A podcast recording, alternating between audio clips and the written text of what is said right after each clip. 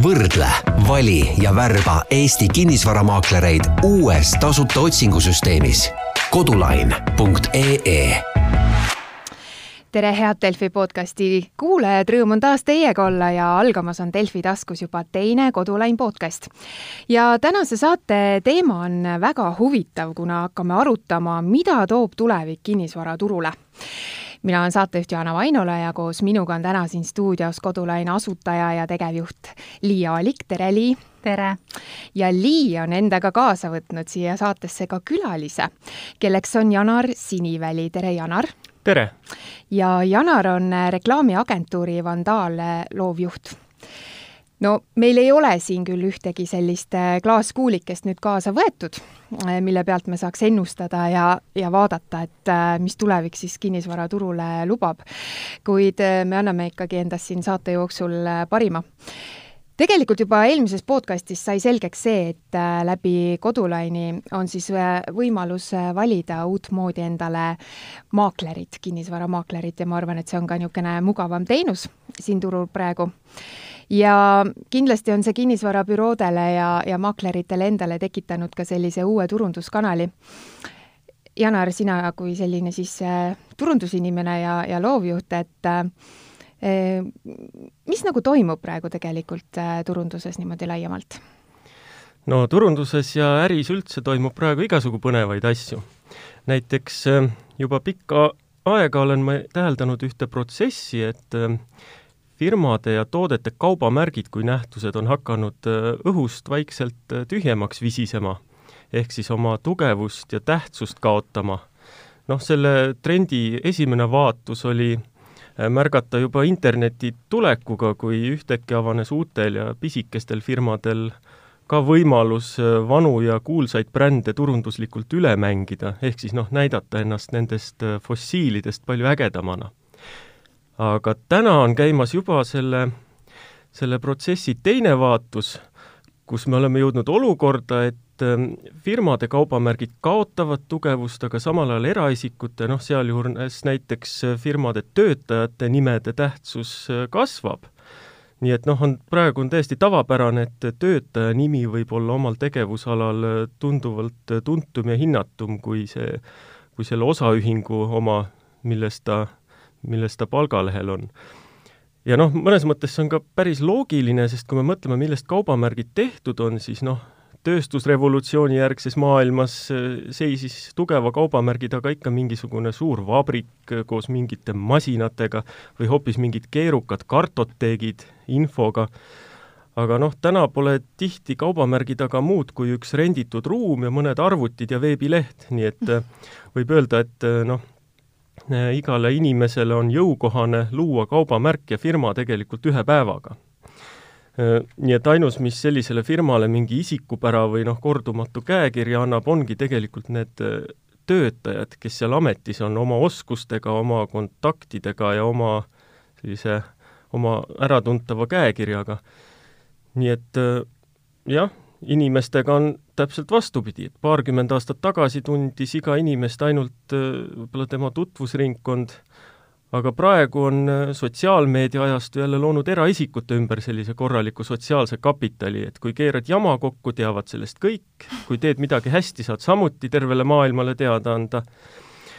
no mm, selle firmade ja ütleme, eraisiku nime tähtsus, noh, see on võib-olla selline hästi abstraktne lähenemine, et ma toon ühe praktilisema näite mõni aasta tagasi, kui me tahtsime taksot tellida, siis me pidime hakkama helistama läbi erinevaid dispetšereid. noh, kuni leidus keegi, kes meid õnnetukest siis peale võtaks mm. -hmm. ja me ju selle valiku tegime alati brändi järgi, et kui meil oli vaja nagu midagi odavat, siis vaatasime, et noh, milline bränd on odav, kui meil mm -hmm. oli mhm. vaja esinduslikku autot, siis igaks juhuks helistasime kõige kallimasse või kui oli vaja ruttu, siis mõtlesime, kellel on siin piirkonnas kõige rohkem. ühesõnaga, me brändi järgi nagu nagu eeldasime mingisugust äh, tõenäosust, et me sealt selle saame. ja see bränd äh, pidi ka tegelikult meeles olema, on ju? jaa, see bränd pidi meeles olema mm. -hmm. aga mis me teeme täna? täna võtame äpi, takso tellimise äpi, vaatame sealt kohe, et ahah, Artjom on kolme kilomeetri kaugusel, keegi Bruno on natuke kaugemal, aga küsib palju vähem raha ja meie jaoks on absoluutselt tähtsusetu, millise logoga kumbki neist oma tranduleti kaunistanud on. nii et ähm, siit äh, arvesse võttes siis noh, me ei kasuta seda brändi enam, sest meil on tänu infosüsteemile ehk tänu internetile või tänu äpile, on meil see info juba olemas, mida me enne ainult brändi põhjal eeldasime. ja nüüd, mis kodulaini puutub, siis siin on ju täpselt samamoodi, et see, mida me enne eeldasime kinnisvarabüroo brändi puhul, siis nüüd me saame võtta selle kodulaini ja tegelikult vaadata, kas, kas see konkreetse maakleri puhul peab paika. Mm, loomulikult noh, Äh, peab ka arvesse võtma, et kui takso tellimise puhul noh, meil oli siin kaalul mõni minut ooteaega ja mõned eurod, siis noh, kodu müües või kinnisvara ostes noh, on see sobiva maakleri leidmisel noh, palju rohkem kaalul. Noh, loomulikult mu eelnev jutt ei tähenda, et nüüd nagu noh, brändid ja logod kuhugi ära kaoksid, et lihtsalt eh, firmad ikka peavad jätkuvalt ilusaid logosid tegema ja häid nimesid endale panema. ja häid töötajaid palkama. ja just täpselt, ja see on isegi veel olulisem, sest noh mm, -hmm. lihtsalt firmad peavad aru andma, et järjest enam kliente ei käi nende juures mitte sellepärast, et missuguse visiooni ja missiooni nad enda kodulehele kirja panid, vaid seetõttu, et neile meeldib mõne nende töötajaga asju ajada mm. -hmm. ja kuni firma suudab seda töötajat enda juures hoida, on neil klient alles ja ka kaubamärk õitseb. lihtsalt ütleme, kodulain ja ka taksoäpid on osake sellest paratamatust süsteemist, et töötajad tuuakse selle kaubamärgi varjust välja?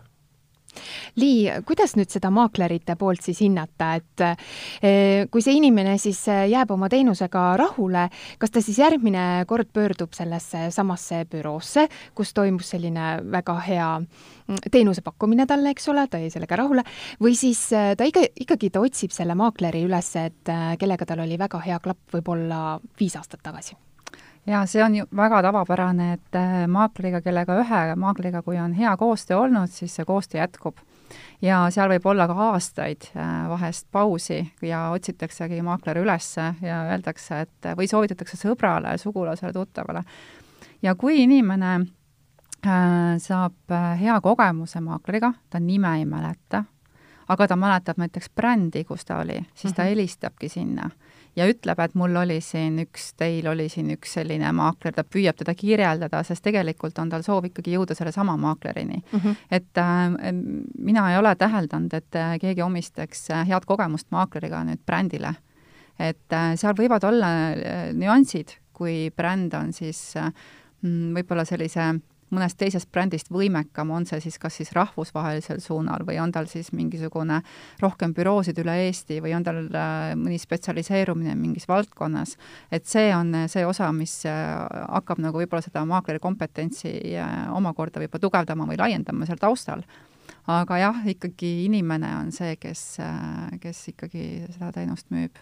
aga kui ta nüüd saab sealt selle negatiivse kogemuse ka, et kas siis see negatiivne mm, emotsioon läheb nagu kulutuli laiali, et kõik anname nüüd Facebookis teada ja oma sõpradele teada, et saab siis noh, nii-öelda pähe nüüd see bränd või siis see kinnisvarabüroo või siis ikka jõuab see info niimoodi maaklerini? no inimesed armastavad väga rääkida sellest, kui midagi halvasti läheb. et äh, igal juhul saab, äh, kõik saavad palju rohkem sellest teada, kui midagi hästi läheb ja mul on selline tunne, ma ei tea, see on mu tunnetuslik, äh, võib-olla siin turunduskuru Janar oskab seda pärast kommenteerida, aga mulle tundub, et kui nüüd äh, mingist ettevõttest äh, maakler teeb kehva teenuse, ega siis saab ettevõte samamoodi, sest ma arvan, et selline frustratsioon inimeses on ikkagi nii tugev, et ta tahaks ikka nagu öelda ikkagi paljudele, mitte ainult ühele siis halvasti, et, et siis juba võiks kõik saada. et noh, ma ei tea, Janar, mis sa arvad? No turunduskuru Janar arvab isegi seda, et tegelikult kui inimene saab maakleriga negatiivse kogemuse, siis selle eest saab pähe kogu maaklerite amet, kogu see kutse tegelikult mm. -hmm ja arvestades veel seda, et võib-olla järgmine kord on tal maaklerit vaja alles kümne aasta pärast, siis tegelikult ta elabki selle teadmisega kümme aastat, et maaklerid on kõik ühesugused, noh nagu poliitikutega. aga kas muidu kinnisvarabürood nagu võitlevad ka maaklerite eest või? et noh, me ju teame, et siin suurte mm, võib-olla siis äh, meediamajade puhul toimub, eks ju, heade inimeste üle, üleostmine mm, -hmm. kes on ähm, juba niisugust head nime endale siin teinud, siis tahaks ju teine meediamaja ka endale seda head inimest saada, et et kas nagu maaklerite sees käib ka selline asi või mm? -hmm käib, käib. see ei ole selline mm, avalik äh, võitlus vaid äh, pigem see on selline mm, nagu taustal toimiv tegevus, et äh, siin ei jälgita suurte büroode poolt ka üksikuid maaklereid võib-olla teistest büroodest, et oh, äge, et on nii tubli ja aktiivne, et võiks olla meie brändi esindaja, vaid äh, ka büroosid jälgitakse ja, ja brändid äh, soovivad ühte või teist bürood äh, võib-olla enda, enda portfelli suurendamiseks ja ja et ega selline käitumine, nagu on mujal valdkondades, toimib seal täpselt samamoodi, et, et inimene ikkagi loeb, kui me nüüd ikkagi inimesest räägime, siis loomulikult hea maakler on oodatud igasse büroosse, et Janar, arvad sa täpselt samamoodi või? no kui näiteks kas või sotsiaalmeediat jälgida, siis ma olen täheldanud, et kui varem oli nii, et kui noh, uus töösuhe tekkis, siis pigem oli töötaja see, kes uhkusega teatas, et ma töötan nüüd siin firmas siis praegu on järjest rohkem tekkinud seda, kui firma teatab uhkusega, et meil on nüüd see töötaja pardal. noh, me teame tegelikult, et juuksurite ja hambaarstidega oli ju kogu aeg nii, et sõltumata sellest, kus osaühingus nad töötasid, et kliendibaas käis ikka nendega kaasas, mitte nende äriühingutega et nüüd on see lihtsalt liikunud ka teistele aladele, sest noh, sotsiaalmeedia ajastul ja üldse interneti ajastul on need inimesed lihtsalt rohkem esil, me teame ka nüüd teiste teenuste puhul, kes meile seda konkreetset teenust osutas ja ja nad on kaubamärkide varjust välja tulnud. tegelikult ma tahtsin juba ennem ka seda küsimust küsida, et vaata, kui sellised äh, ettevõtted võtavad endale inimesi äh, tööle, kas nad sellist taustauuringut ja kontrolli ikka teevad ka, et äh, kellega tegemist on või mis sa arvad? no praegusel ajal peab tegema veel eriti kõva taustakontrolli, sest mine tea, äkki on seal mingit cancel damismaterjali aga ütleme, eks ametialaste saavutustega, kui nüüd nii võtta, ollakse ju ikka kursis mm. -hmm. esmalt minnakse Facebooki ja vaadatakse no., mis ta ka teeb või? Facebook, guugeldamine, Google'ist võib välja tulla, et äkki inimene on kümme aastat tagasi olnud mingisugusel seisukohal, mis praegu ei ole enam parketikõlbulik, et noh, praegu peab ju igasuguseid andmeid arvesse võtma, kuigi nagu ma aru olen saanud, siis tegelikult jälle seadusandlus üritab seda nagu keelata mm, -hmm. mingeid asju arvesse võtta, fakt on see, et seda tehakse niikuinii nii Nonii, aga nagu me teame, et äh, siin on meid tabanud ka selline tervishoiukriis, eks ole. et äh, kuidas siis äh, noh, samas me teame ka seda, et kuidas ta siis kinnisvara on siin meil, meid ka mõjutanud, et äh, hakati otsima kõiki võimalikke kontoripindu. kas see nõudlus on nüüd jällegi kasvamas, ütleme nüüd äkki siin sügise poole, et äh, vajatakse rohkem sellist äh, kontoripinda, mm, et, et inimesed otsivadki selliseid kortereid, kuhu ta saab omale kas või sellise kodukontori teha või see on natukene juba nüüd rahulikumaks ka jäänud või mm.? Ei tea, ma, mul on niisugune tunne, et äh, pigem sellised koduostjad äh, otsivad korterit, kus oleks äh, korter, üks tuba selline, milles saaks sellise kodukontori teha. niisugune kabinet. just, ja isegi need perekonnad, kellel, kellel, kus, kus käivadki kõik tööl kuskil mujal kontoris, siis täna mõtlevad juba selle alternatiivsele variandile, sest kui on lapsed ka kodus mm, -hmm. koolilapsed, siis kõigil peaks olema ikkagi see koht, kes kus õpib, kes kus töötab, seal peab tekkima selline olukord, kus kellelgi on vaikust vaja, et äh, ma arvan, et see trend on küll kasvamas, kindlasti kohe aga kontoripindade muudatusi,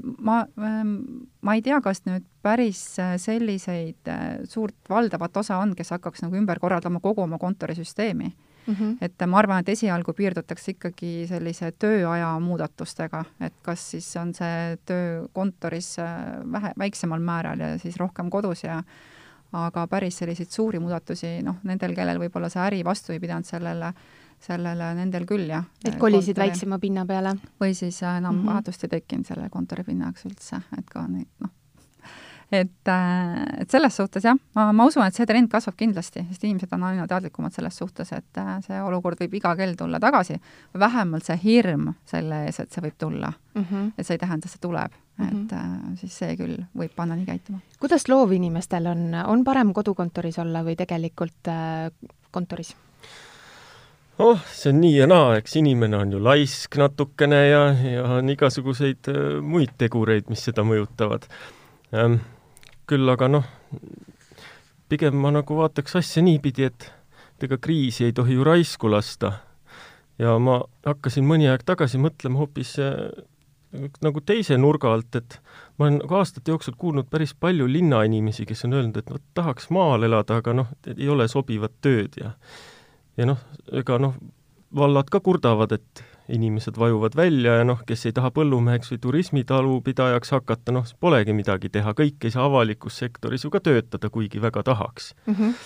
ja nüüd ma hakkasingi nagu mõtlema, et et kevadise kriisi järel tekkis meil ju linnade kaupa inimesi, kes said üllatuslikult teada, et nende töö on ka kodukontoris täiesti tehtav, et noh, ei olegi vaja iga nädal büroos oma sihverplaati ette näidata, nii et noh, minu poolt küsimus valdadele, kes oma hõreda asustusele kurdavad, et miks ma ei näe külade sissesõitudel reklaambännereid sõnumiga, et koli oma kodukontor siia. või noh, kas või mingisugust otseposti kampaaniat linnainimestele, et näed, oma Lasnamäe korteri eest saaksid meie vallas terve maja.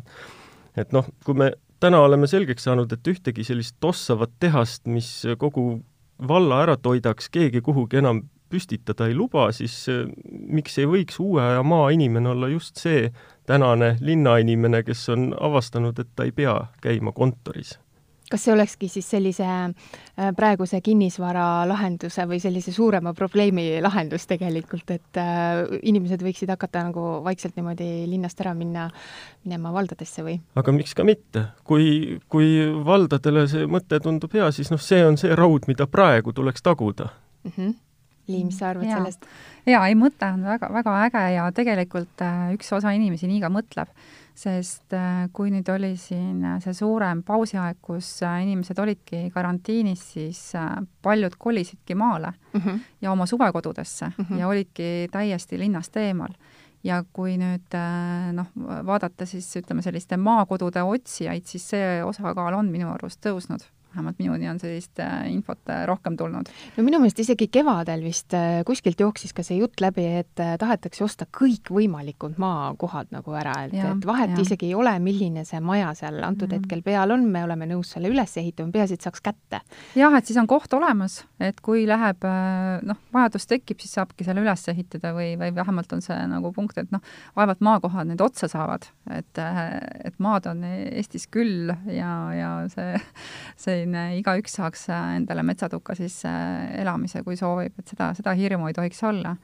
aga see, et äh, maakohad, alevikud, väiksemad kohad võiks kutsuda inimesi enda juurde, kuna töökohas tõesti see töö tegemine ei sõltu enam sellest kohast ja on kodukontoris väga palju asju võimalik ära teha, siis see on küll super hea mõte, et maaelumessid on küll, et maale elama ja, mingisugune alles mida, nüüdki oli ju laupäeval. seda on päris mitu aastat olnud, aga see ikka tundub selline nagu selline hurraa korras kampaania, et noh, tulge ja siis on, aga see peaks tegelikult olema selline igapäevane töö, noh.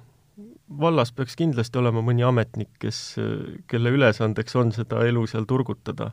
ja siis, kui tegelikult inimesed sinna juba kokku tulevad, siis tekib ka mingisugune ettevõtlus või mi-, ja mingisugused huviringid ja muud asjad et noh, paratamatult see üleminekufaas on, kus veel ei ole lastel trenni, aga, aga inimesed on juba kohal. noh, see on paratamatu.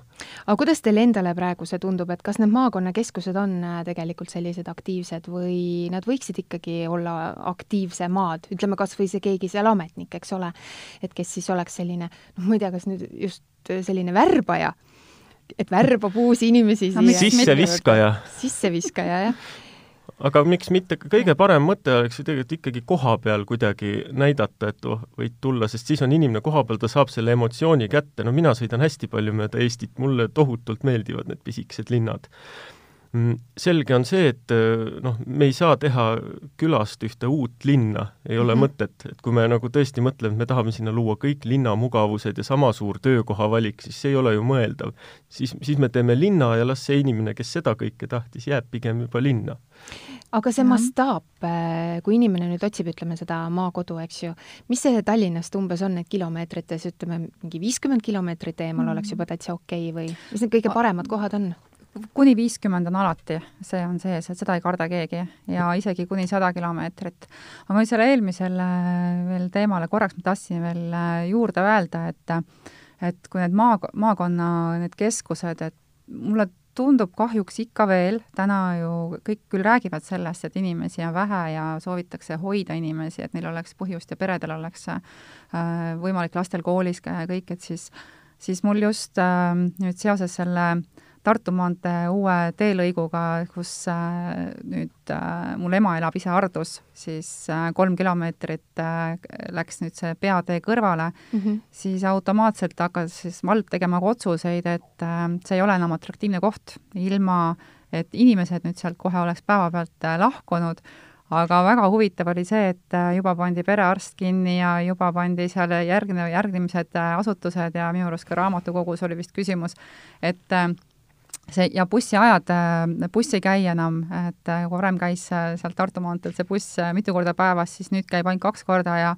ja et mitu kilomeetrit see on Tallinnasse? see on viiskümmend seitse kilomeetrit, ta on mm -hmm. tegelikult väga lähedal ja väga mugav oleks ühel noorel perel seal elada, seal on ju põhikool olemas, lasteaed, pood, seal on, oli perearst, hambaarst, et seal on nagu kõik, kõik kohapeal olemas aga vot äh, sellised käitumised, mis võiks olla just vastupidi mm, -hmm. et nüüd, kus on, eks ju, see, see alevik iseenesest natuke nõrgem, et see maantee läks nagu kõrvale, et just mõelda vastupidi, et kuidas nüüd veel teha midagi paremaks, et inimesed sealt ära ei läheks, et siis kuidagi hakatakse ennetavalt juba nagu juba, juba ette nägema, et aa ei, sellest äh, siin ei tule midagi, et võtame siit veel need asjad ruttu ära, hoiame siit kokku, et see on nagu vale. et ähm, ja suur mõtlemiskoht, ma väga loodan, et need äh, lõplikud äh, plaanid seal ei lähe käiku, et need inimesed ehk äh, ikka võitlevad selle eest, aga aga lihtsalt see on küll jah, et maakonnakeskus võiks hoopis teistsuguse suunaga olla mm. -hmm. nojah, et ennetavalt juba kraabitakse mulda peale. just no ma võiks mõne optimistlikuma noodi ka tuua, et näiteks Võrumaal on Rõuge, kus ei, mis ei jää ühegi suure maantee äärde, aga sinna on noored pidama jäänud, minu andmetel seal saab isegi golfi mängida, noh et seal on tõesti kõik võimalused ja kohalikud ise loonud selle.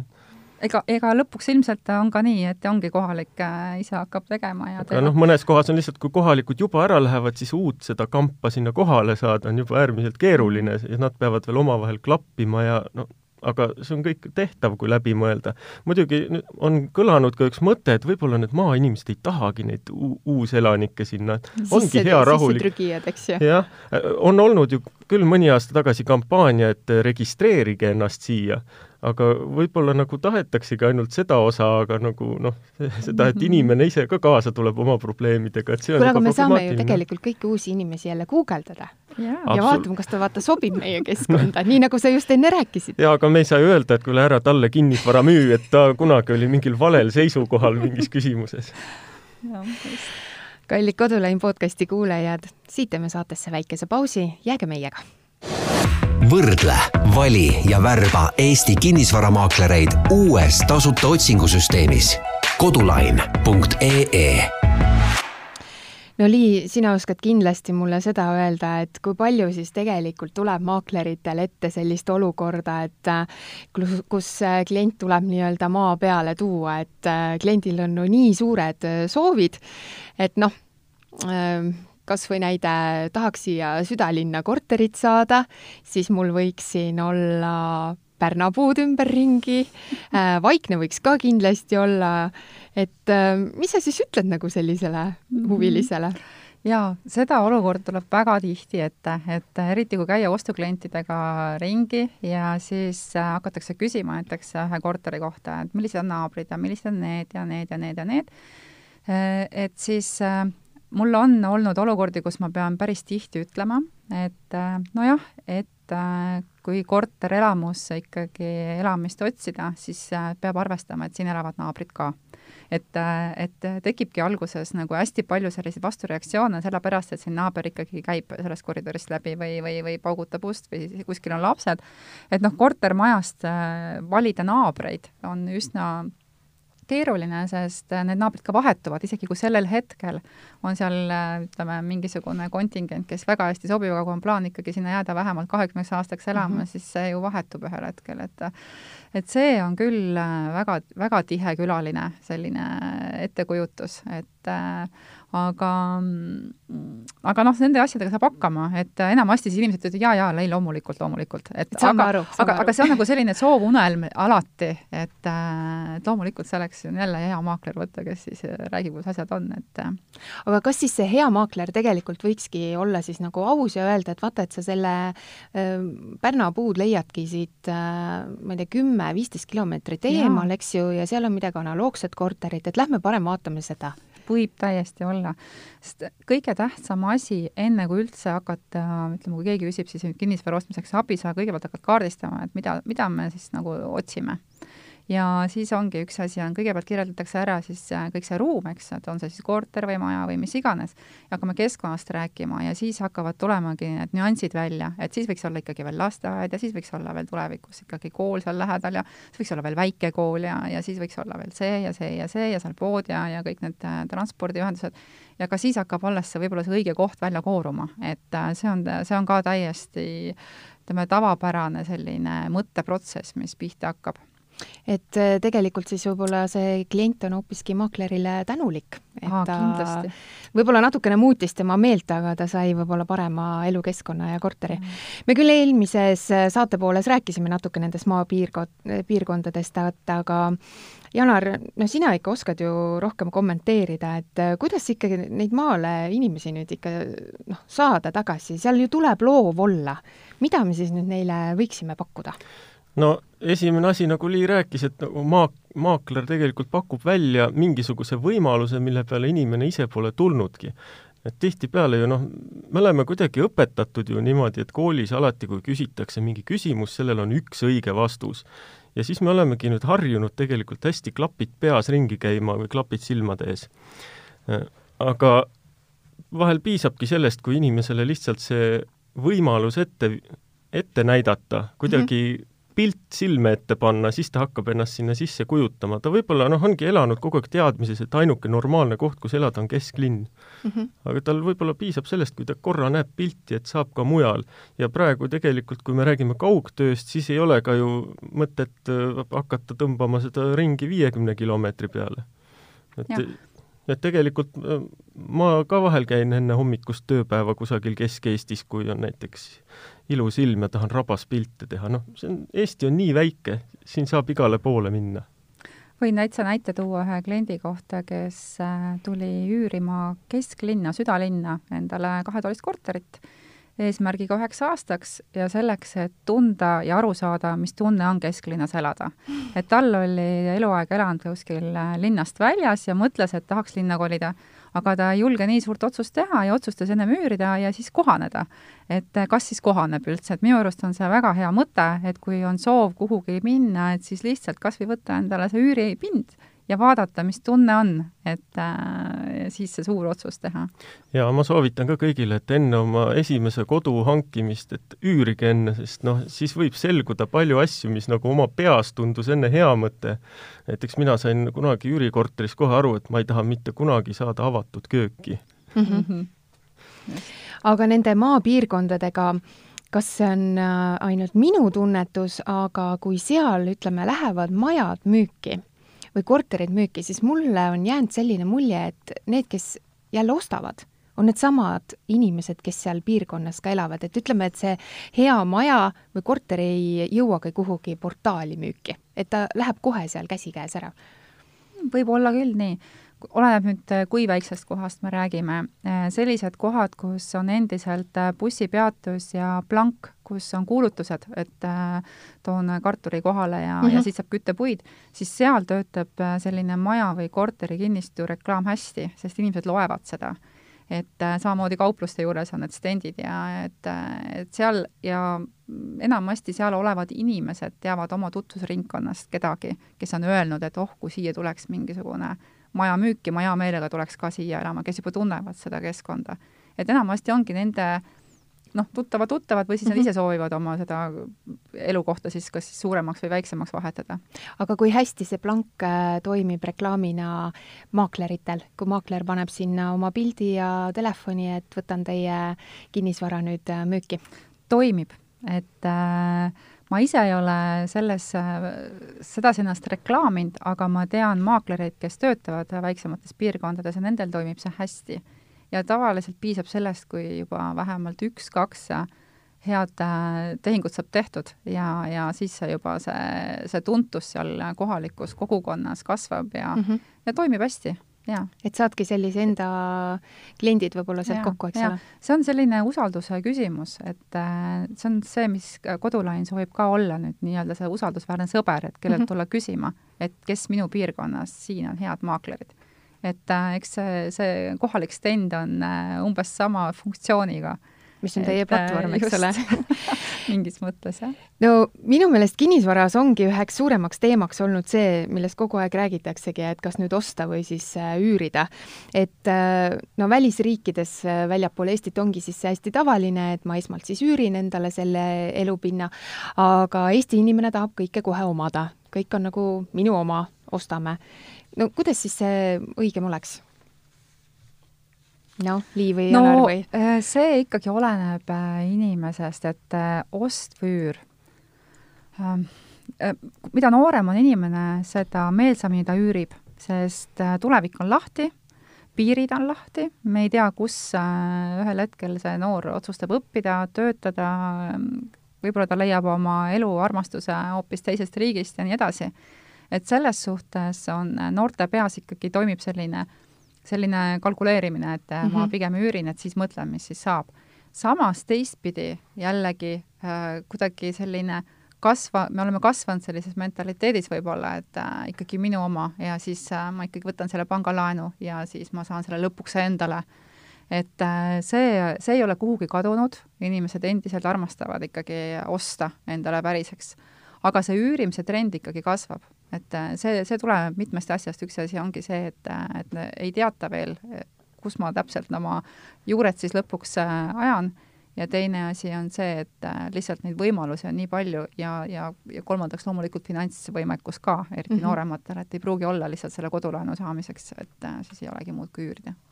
aga Janar, kuidas tegelikult see turunduse turg siis inimese praegu suunab, et peaks nagu ostma või parem on hea rentida?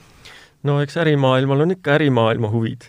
et noh, kui me siin enne põikasime korraks tööstusrevolutsiooni aegadesse, siis noh, toona ju oli ärimudel see, et teha ikka üks hea toode, mida saab isalt pojale anda ja ja noh, ehk siis mingi hetk need tööstused avastasid, et kui poeg enam asju ei osta, vaid isa vanad asjad endale võtab, et ega siis jääb ka kasum kuidagi pidama.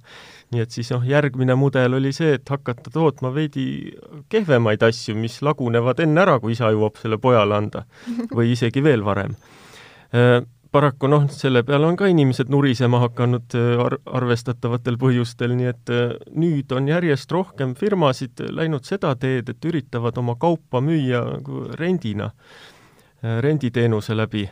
noh, näiteks arvutitarkvara on juba praegu sageli selline, et noh, enam ei saa osta, vaid pead igakuist makset maksma ja selle eest on kogu aeg siis selline uuem versioon olemas ja kui enam ei maksa, siis enam ei ole mm. -hmm. Noh, isegi autode puhul on ju äh, Äh, tegelikult see, et äh, on järjest rohkem inimesi võtab kas siis täisteenus rendi, et ta ei peaks üldse mitte millegi pärast muretsema ja mitte millegi tehnilisega näppe määrima, ainult maksab kindla kuumakse, riske pole, äh, või siis võtab üldse tänavalt selle, mis need seal vedelevad, et maksad, saadad, ma ei tea, äpist võtad, reserveerid ära, maksad siis täpselt selle maa eest ja selle aja eest, mis sa teda kasutad. Mm, noh, kodumasinate puhul võtame, noh need ju ka järjest kõik ju arvutiseeruvad. ja kui nüüd noh, laiemalt võtta, siis noh, ükskõik, kas autod või kodumasinad, need on kogu aeg ju olnud sellised ka natuke trendiasjad. aga mulle isiklikult tundub, et ega nende disainis enam mingit suurt revolutsiooni ei tule. et nad vaikselt muutuvad järjest sarnasemaks teed uue külmkapi, no mida sa sinna teistsugust nagu ehitad, et, et tõenäoliselt need tulevikumudeli uuendused saavadki olema tarkvara uuendused. ehk siis põhimõtteliselt see, see kest on kogu aeg sama, tellid mingi uue vidina nagu arvutitarkvarana, saad jälle uue võimaluse juurde ja siis sellise teenuse eest hakataksegi rendimakset küsima. et külmkapp hakkab ka minu eest mõtlema, et paneb menüü, eks ju, kokku ja selle eest mhm. võib-olla ma maksan Samsungile miskit. ja näiteks äh, jah, tuleb, äh, kellel tuleb uus võimalus, näiteks külmkapi võib panna ainult vegan menüüsid kuvama Just. ja kohe need saab tellida. no ma olen kuulnud, et mingid autofirmad juba nagu flirdivad selle mõttega, et äh, et ostad auto, aga lisavarustuse saad nagu kuumaksu eest, et kui mingi mm -hmm. hetk enam ei maksa, siis püsikiirushoidjal hakkab töötamast, noh, midagi sellist äh, nii et noh, see on tegelikult see, kuhu meid nagu surutakse, samal ajal eestlane jah, on ikkagi jonnakas, et me ikka tahaks nagu omada. isegi kui me tegelikult noh, kui eestlane on ka tegelikult ju edev, ehk siis ta maksab selle telefoni eest, uue telefoni eest kuumaksu, niipea, kui see saab makstud, võtab ta jälle värskema mudeli, aga tema jaoks on ikka oluline, et ta vahepeal korraks omas seda. aga teisest küljest ma ikkagi arvan, et eestlane on selline nagu rohkem niisugune konservatiivsem inimene, et juba vaata sajandeid on olnud see, et siin on minu maa ja mm -hmm. minu talu, on ju. ja eriti, kuna meil ei ole tihti ju seda võimalust olnud seda ja. öelda, aga samas jälle praegu tuleb ju peale põlvkond, kes ei ole pidanud nagu ootama viis aastat mm -hmm. värvitelerit ja siis Just. järgmised kaks aastat, et keegi sinna Soome ploki sisse paneks. nii et noh, nende jaoks võib-olla on tavapärane see hoopis see mugavus, et ta ei mm -hmm. pea enam mitte millegi pärast muretsema, ta eeldab, et äh, küll ta nii palju ikka teenib, et neid äh, asju maksta ja kui ta tahab järsku minna teise riiki elama, siis ta ei pea neid asju müüma hakkama mm, -hmm. vaid mhm. lihtsalt jätab kõik selle siia maha. siiasamma jah, ja alustab äh, otsast mujalt. nii et see on selle põlvkonna esindajate asi, kuidas seda teha no saate lõpuni on veel jäänud meil paar minutit aega. Äh, räägi palun, Lii, palju tuleb kliente kodulaini nüüd väljapool suurlinnasi ja kas nad siis pigem tulevad müügi- või ostusoovidega? Äh, praeguse statistika järgi, mis meil on, on äh, umbes pooled, äh, on suurlinnadest väljas, nii ostu- kui müügiteema, ja ost on valdav osa. et otsitakse ikkagi maakodu, maja, mm, suvilat, et, et selles suhtes mina ei näe seal küll ühtegi sellist märki, et, et see vaibuks, vaatamata sellele, et on sügis, ja talv on tulekul, et tavaliselt sellised maakodude ostmised ja suvilate ostmised on just niisugune kevade mm -hmm. teema mm. -hmm.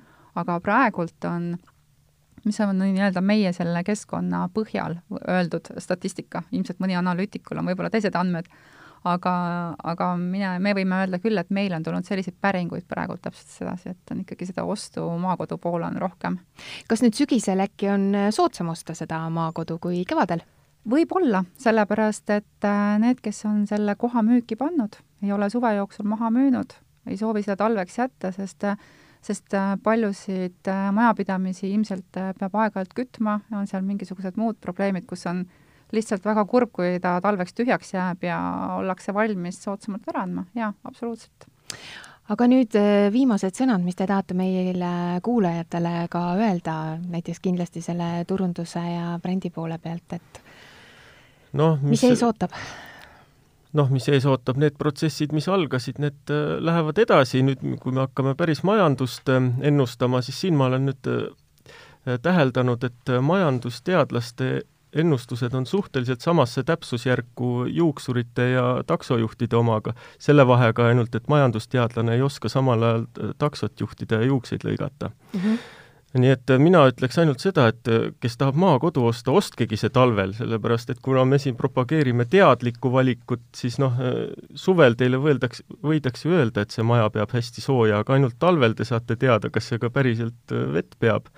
ja ütleme, et noh, isegi kui ütleme, sügisel paistab see maakodu natuke ümbrust rööstitum, siis noh, pigem oleks osta just hea siis, kui tead, et edasi saab ainult ilusamaks minna Lii, mis sa arvad, mis tuuled ja. on kinnisvaraturul? jaa, ma just äh,, ma olen täitsa nõus, äh, mis Janar ütles ja ja minu arust on praegult meil äh, võimalus äh, väga palju tarkasid valikuid teha üldse, ükskõik mis valdkonnas. sest meie internet võimaldab seda, inimesed on nii-öelda kuuldavad, nähtavad igal pool ja suudavad oma sõnumid edasi öelda ja siis äh, Äh, seega ma julgustan inimesi valimagi targalt, et äh, ja kasutama ka neid võimalusi, mis siis luuakse, et äh, oleks siis võimalik nagu noh, näha ja, ja, ja siis vaadata, mis siis tegelikult laiemalt toimub ja teha see valik targalt. jah, et kui me nüüd interneti ja ütleme, arvutit ja kõige sellise tehnoloogia rollist räägime, siis on ju kahte sorti uuendusi, ühed on need, mis aitavad meil teha teadlikumaid valikuid ja siis teised on sellised, kes tahavad väga teha valikuid meie eest. et Just. me peame ka seda, me peame, mõlemad on ühtviisi mugavad, aga me peame oskama neid ka eristada. jah, ja et vali ikka ise targalt kallid kuulajad, selline saigi siis teine Kodulain podcast, kus saite ülevaate, millised tuuled kinnisvaraturul puhuvad kindlasti on kuulajatel tekkinud kinnisvaramaakleritega või üleüldse kinnisvaraga seoses küsimusi, siis soovitan pöörduda julgelt Kodulaini poole, sest nemad teavad vastuseid, mis teid aitavad. stuudios oli täna koos minuga Kodulaine asutaja ja tegevjuht Liia Alik ning Janar Siniväli, kes on äh, reklaamiagentuuri Vandaal loovjuht. ma tänan teid, Janar ja Li, saatesse tulemast. mina olen saatejuht Johanna Vainola, aitäh, et kuulasite ja uute kohtumisteni! võrdle, vali ja värba Eesti kinnisvaramaaklereid uues tasuta otsingusüsteemis kodulain.ee